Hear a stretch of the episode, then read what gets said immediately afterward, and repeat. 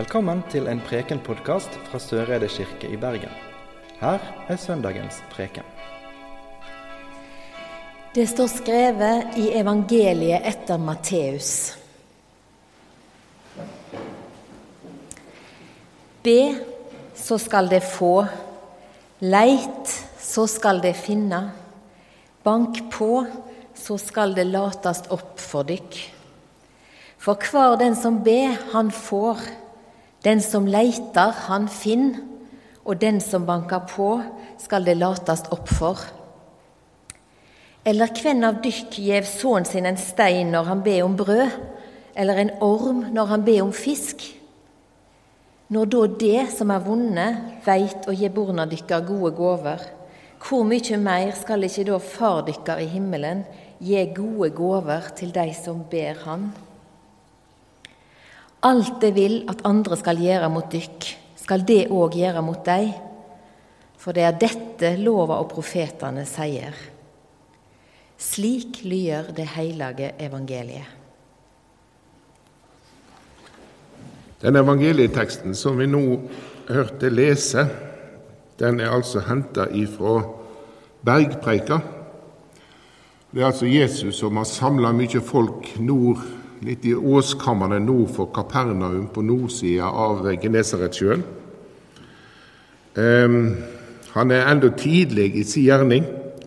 Med rykter har nådd mange. Noe spektakulært er på gang, og masse folk kommer sammen. Jesus er en spennende mann som gjør tegn og under og helbreder mennesker.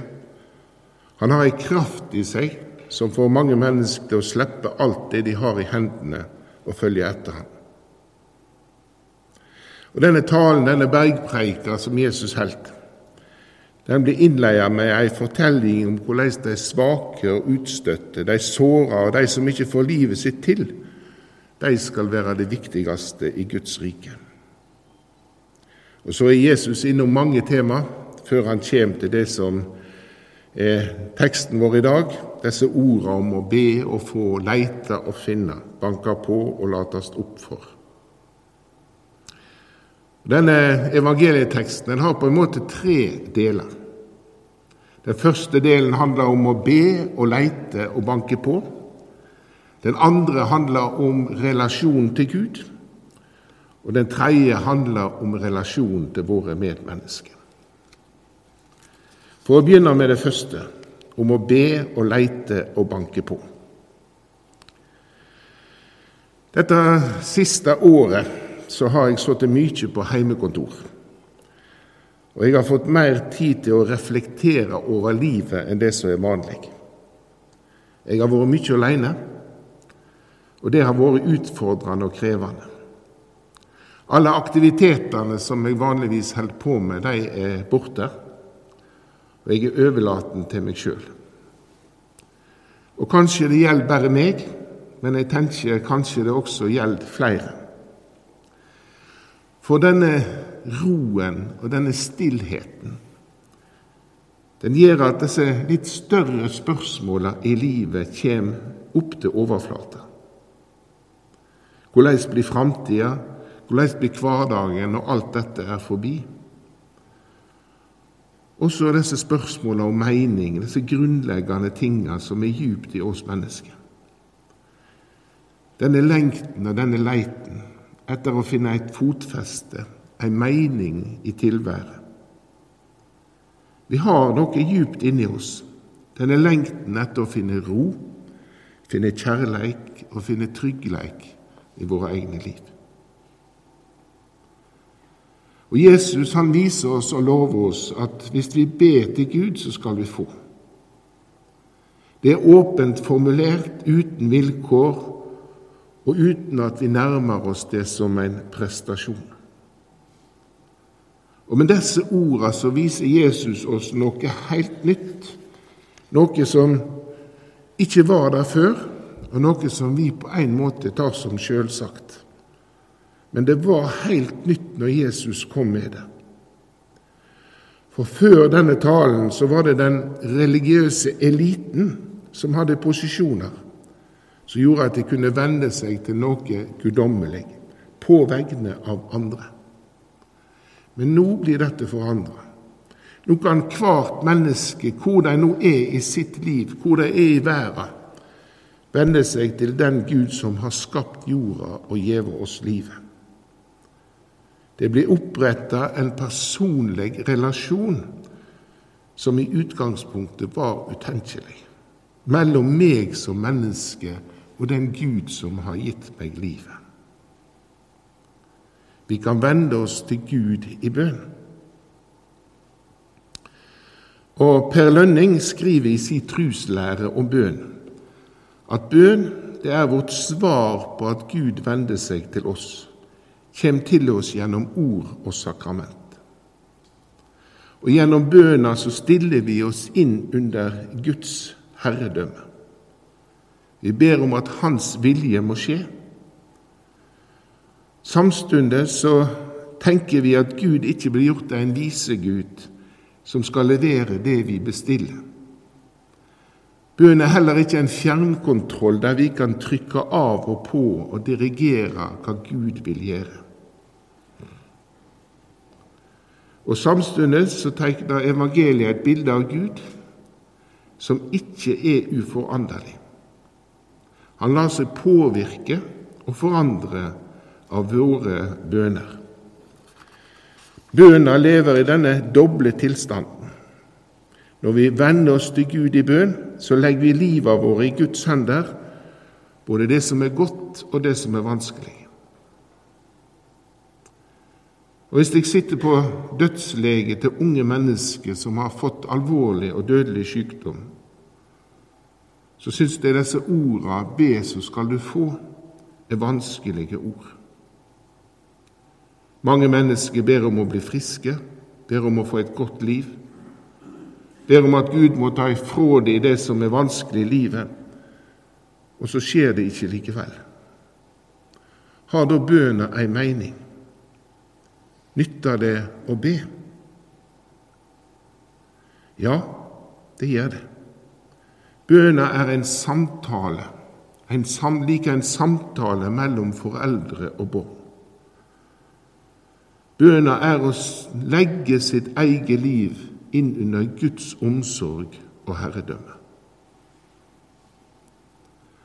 Og for oss moderne mennesker som er flaska opp med individualisme og liberalisme som de høyeste verdiene, så kan dette være utfordrende.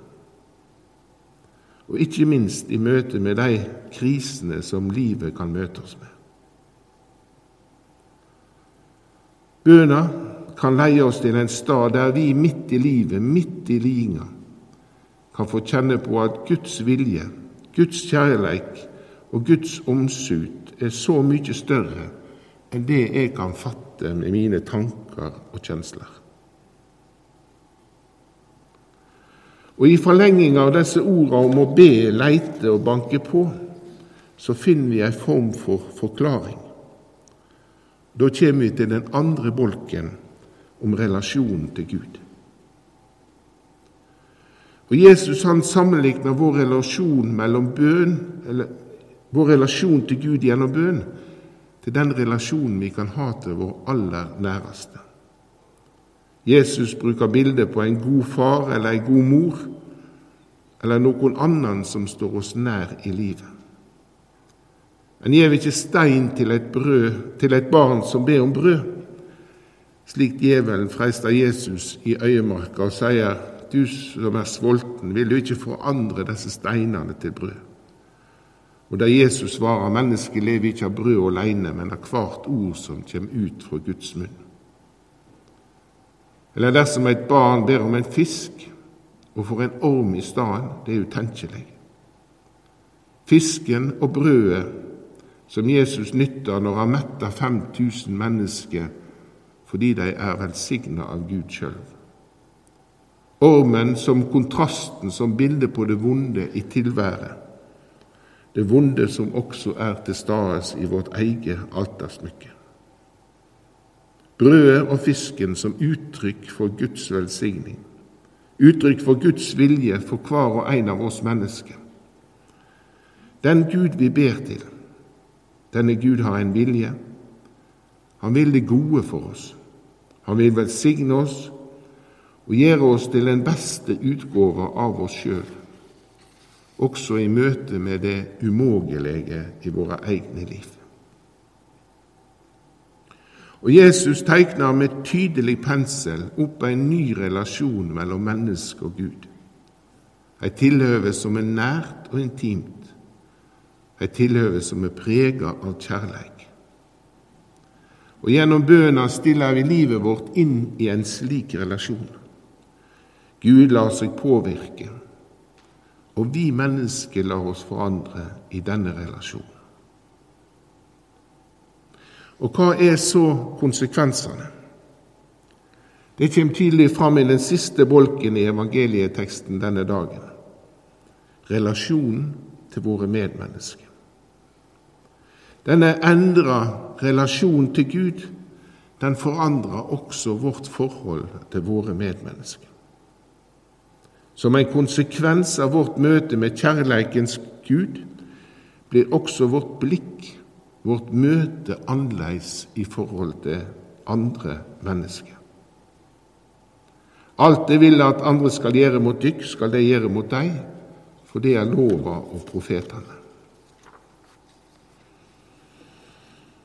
Når jeg leste denne evangelieteksten første gangen, så tenkte jeg at dette Alt det vil at andre skal gjøre mot dykk, skal de gjøre mot deg. Det minner meg veldig om kardemommelova. Man skal være snill og grei, og for øvrig så kan man gjøre det man vil. Men det Jesus sier her, er ikke det samme som kardemommelova. For kardemommelova tegner et individualistisk bilde av oss mennesker. Vi kan gjøre som vi sjøl vil, vi skal være snille og greie, vi skal ikke krenke noen andre. Men i neste omgang så betyr det at vi også er ansvarlige for livet slik som det blei. Enhver er sin egen lykkes smed, som det heter i ordtaket. Og vår tid er overtydelig på nett dette. Det er ditt ansvar. Du kan gjøre som du sjøl vil, så lenge du ikke krenker andre. Det er du som må prestere, og det er du som må pressantere ditt eget omdømme. Det er du sjøl som er redaktøren over din egen Facebook-profil. Det er du som bestemmer hva du skal vise fram, hva andre skal se. Det er du sjøl som har ansvaret for hva andre skal tenke om deg, og sitte igjen med inntrykk av hva slags menneske du er. Har du den rette kroppen? Den rette bilen, huset, hytta, jobben, familien, barna. Alt blir ditt ansvar aleine. Du skal være grei og snill, og ellers kan du gjøre som du vil. Evangeliet er heilt og fundamentalt annerledes. Gjennom bøna og relasjonen til Gud så kan vi få erfare at mitt liv henger sammen med noe større.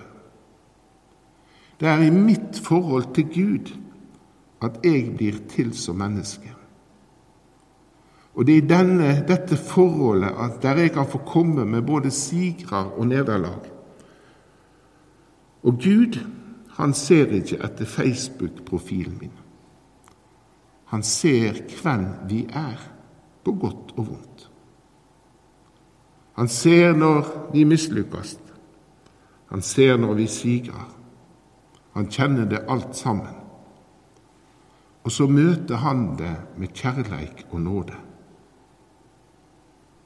Og i mitt møte med andre så kan det være et møte preget av at jeg sjøl er møtt av Guds kjærleik.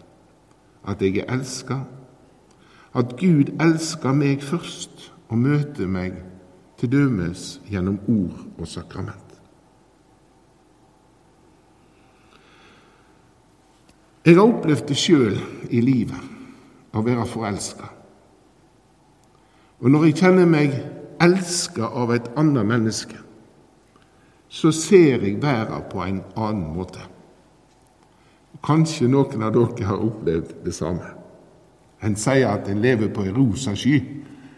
En ser liksom verden litt annerledes når en er der.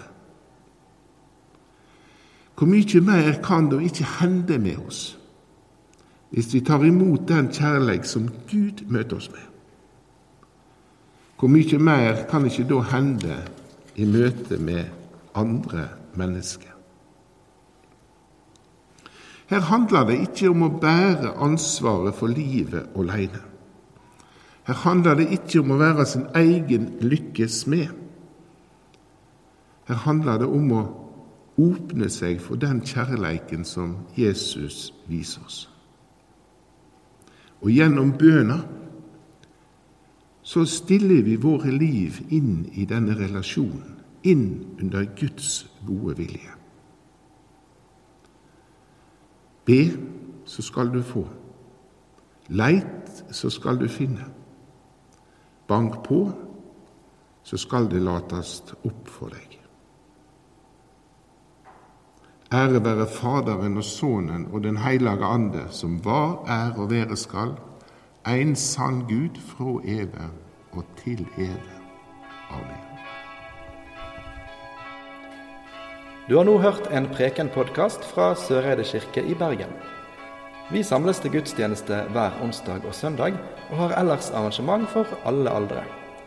Følg oss gjerne på Facebook og Instagram, eller finn oss på kirken.no soreide. Takk for at du hørte på.